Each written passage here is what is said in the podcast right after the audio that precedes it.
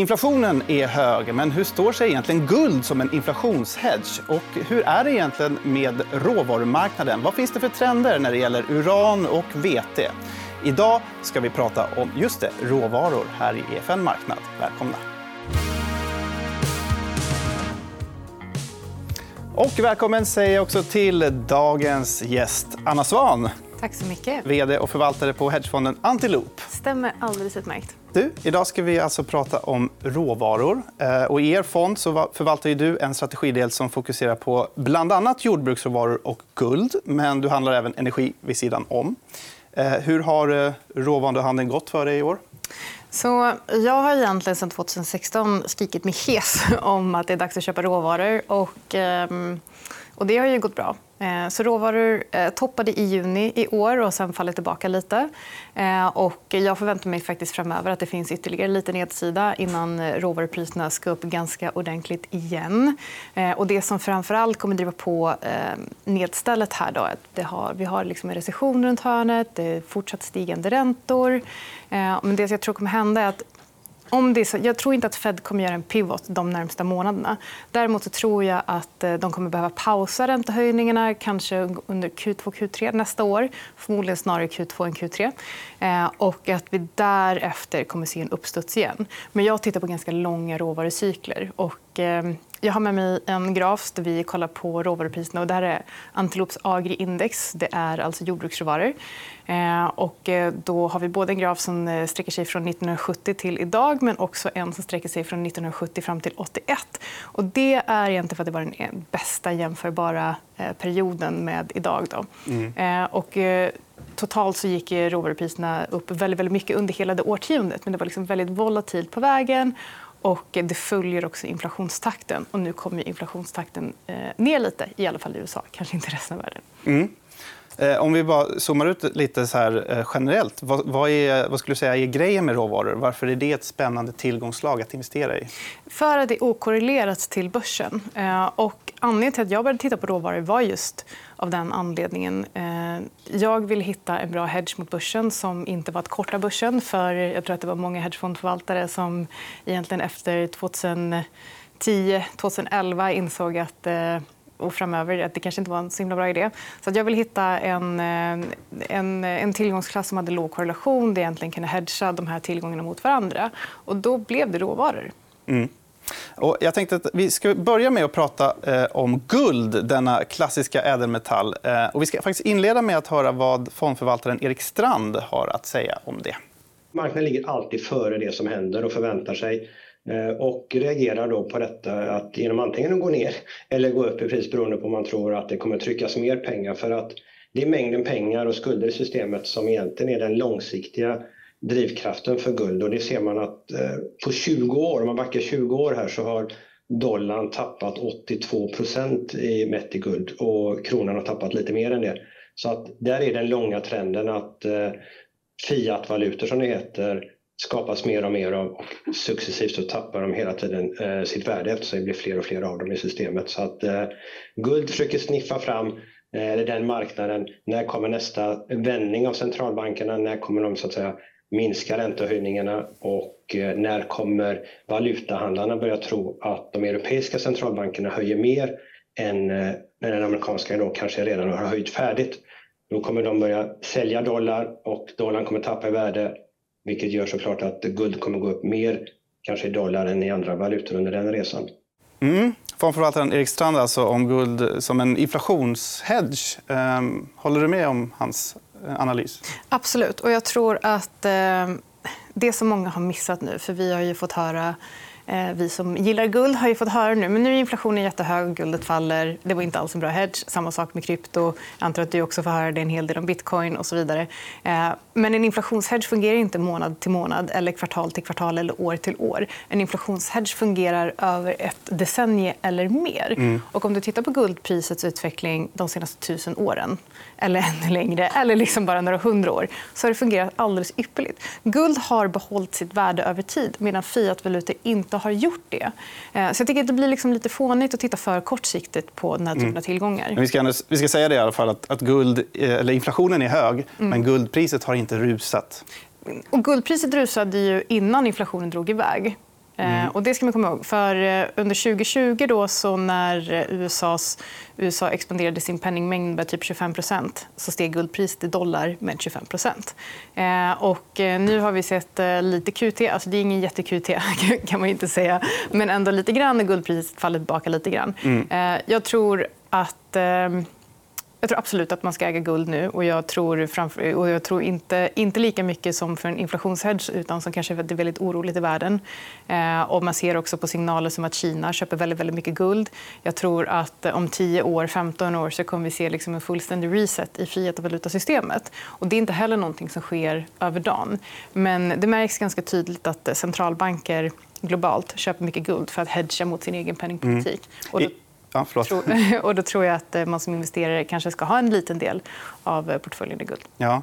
Du sa, nu nämnde centralbanker. Är det den typen av makrofaktorer som påverkar guldpriset? Eller? Ja, absolut. Jag skulle säga att eh, den absolut viktigaste faktorn som påverkar alla tillgångslag är vad centralbanker gör. Och det kan man också se i korrelationsegenskaper mellan olika typer av tillgångslag som historiskt sett har haft väldigt låg korrelation. Om du tittar på oljeprisets korrelation till S&P till exempel så hade det väldigt låg korrelation fram tills att de drog på QE efter 2008. Sen dess har korrelationen varit mycket, mycket högre. Och då tittar jag på 100 dagars rullande. Eh, och du ser egentligen samma typ av relation mellan jordbruksvaror och aktier, mellan guld och aktier. Och det beror på att ju mer överflödigt, överflödig likviditet du har i marknaden desto mer överflödig likviditet går in i risktillgångar. Och då stiger priserna på alla simultant. Mm. Eh, vi ska gå vidare och prata lite case. Nu när Sverige och andra länder eh, planerar att bygga ut kärnkraften. Jag jag läste att bara i Europa så är över 50 nya reaktorer på gång. Eh, hur har det då gått för råvaran uran under 2022? Under 2022 eh, sen ganska flät. Det jag tycker, uran är också en sån här tillgång som man måste titta väldigt långsiktigt på. Eh, jag berättade för innan vi drog igång programmet att senaste urangruvan öppnades 2007. Det är ett tag sen. Och fram tills egentligen för ett par år sen så har man framför använt sig av restbränsle från gamla amerikanska och ryska kärnvapen i, som, eh, som bränsle i kärnkraftsreaktorer. Mm. Nu är det slut. Mm. Eh, och om man tittar då de senaste åren på hur mycket uran som har producerats jämfört med hur mycket som det faktiskt finns efterfrågan på varje år. Så 2020 så var den siffran 74% så det är alltså ett produktionsunderskott på 25% Sen hade vi covid. Och det var många av de här gruvorna som stängdes ner. Och I Kanada, där du har en av de absolut största, Cigar Lake eh, där skedde en stor skogsbrand. så De fick evakuera hela gruvan. och Den var nedstängd ganska lång, eh, lång tid. Och den står för jag tror 8% av den globala Eh, produktionen varje år. Eh, så Det blev liksom ett ganska stort underskott där också. Eh, och en annan sak, precis som du säger, kärnkraft byggs ut. Globalt nu. Och för första gången på över ett decennium så ser vi faktiskt att kapaciteten från kärnkraftsreaktorer förväntas att faktiskt öka de kommande åren. Och då kommer också efterfrågan på uran att öka. Mm. Så du tror på uran som råvara långsiktigt? Absolut. Och då, man ska också komma ihåg att eh, inköpet av uran för ett kärnkraftverk är en så pass liten del av kostnaden för att bedriva ett helt kärnkraftverk. Vilket innebär att priskänsligheten för uranet är väldigt, väldigt, väldigt liten. Så det fin- uranpriset skulle kunna röra sig flera hundra procent mm. utan att det egentligen påverkar kostnaden ur ett större perspektiv för ett kärnkraftverk. Om vi eh, tittar på kriget i Ukraina, då. hur har det påverkat råvarumarknaden? Så ganska typiskt för geopolitiska oroligheter så ser du alltid liksom en kort tillfällig spike på uppsidan. Och det såg vi i vete, eh, vi såg det i naturgas eh, och sen så har det fallit tillbaka. Och det, det är nästan alltid så. Eh, det är precis samma sak som händer i guldpriset ibland. Det var till exempel USAs invasion i Eh, i Iran för några år sedan. Då gick guldpriset upp några procent på en dag och sen så efter bara en vecka så var priset lägre än vad det stod innan. Så man ska inte köpa guld eller, eh, eller egentligen andra råvaror när, det, när någonting sker geopolitiskt.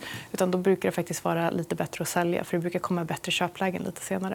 Men hur kommer det sig att eh, de är lägre än innan kriget nu? Det här är ganska typiska prisrörelser under oroligheter. Eh, och eh, du, får ta, du får också ta det i relation till allt annat. I början på året så hade vi mycket mer överflödigt kapital än vad vi har idag. Och sen så får vi också den här nyheten om att eh, där man kan förvänta sig att en fjärdedel av veteproduktionen då, till exempel försvinner eh, globalt. Eh, och då sticker priserna uppåt för då tänker man att okay, men det, det här kommer ju påverka, eh, det här kommer ju påverka tillgången idag. Men så är det ju inte. För jag menar, den tillgången har vi ju redan. Eh, däremot så kommer det påverka priserna lite längre fram. För Det är framförallt då som vi faktiskt kommer märka av den här bristen.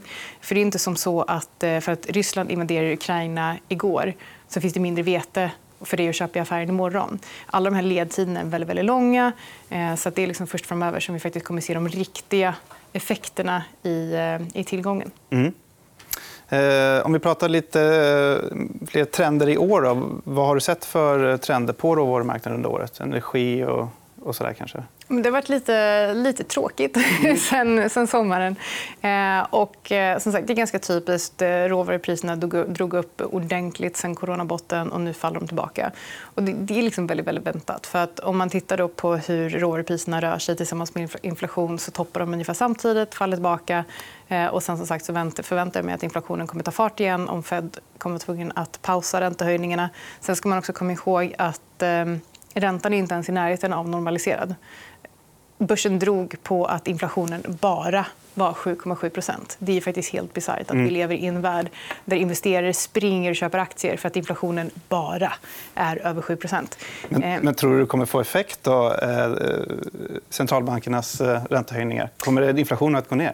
Alltså, det är också lite intressant. för det är också så här, Om man tittar på hur stor del av inflationen som är efterfrågansdriven och hur stor del av inflationen som är tillgångsdriven och hur stor del av inflationen som vi inte riktigt kan härleda till varken eller. Så kan man säga att så säger Powell också. Ska man också vara tydlig med att han uppenbarligen är medveten om det här. Han säger att vi kan inte påverka den inflation som är tillgångsdriven. Vi kan bara påverka den inflation som är efterfrågansdriven. Och sen så höjer han ändå räntan trots att efterfrågansdriven inflation står för det är 25% av den totala inflationen. Och resten beror på tillgång och det man inte riktigt kan härleda. Då. Men det man kan härleda till att i alla fall två tredjedelar beror på att vi faktiskt har tillgångsbrist på energi till exempel eh, och, eh, och andra råvaror. Eh, och ändå höjer de räntan och eh, nu faller priserna. Så jag tror att Ja, det, det, är klart att räntehöjningarna får viss effekt. Men det som faktiskt, de facto får, eh, får effekt är den recession som kommer runt hörnet nu.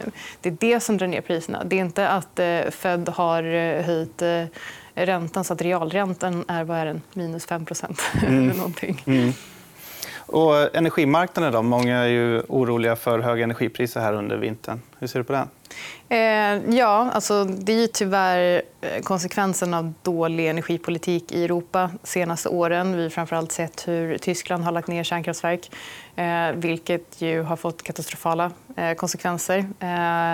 Sverige har ju generellt haft liksom ett dåligt kraftnät. Vi har ju däremot överproduktion av el men vi har ju svårt att transportera elen från norr till söder och sen så exporterar vi från söder till Europa.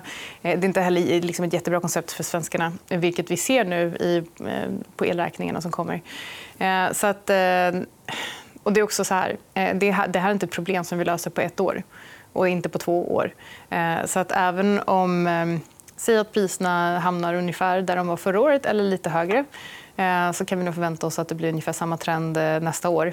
Och vi får väl hoppas att vi får, får koll på, på energiförsörjningen till om några år. Men fram till dess så kan vi nog räkna med att det blir dyrt på mm. vintern. Mm. Eh, Eh, och till sist, då, vad fokuserar du på mest gällande råvaror framöver? Då? Vi blickar lite framåt. Bra fråga. Jag tycker faktiskt att uran är väldigt intressant. Eh, men sen så äger jag ju... Eh, jag har ju ett råvaruindex som jag följer. Och det är egentligen de tio största, mest likvida jordbruksråvarorna. Jag tycker faktiskt också att guld ska bli intressant att följa under 2023. Eh, och det är framförallt lite beroende på vad som händer med, eh, med Fed och Kina och så där framöver. Mm.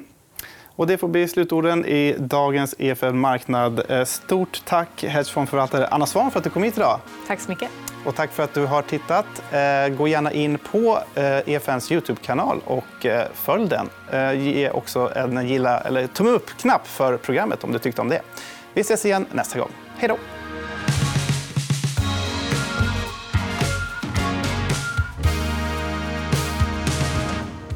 Har lyssnat på EFN Marknad, en podd av EFN Ekonomikanalen. Mer om ekonomi och aktier finns på efn.se.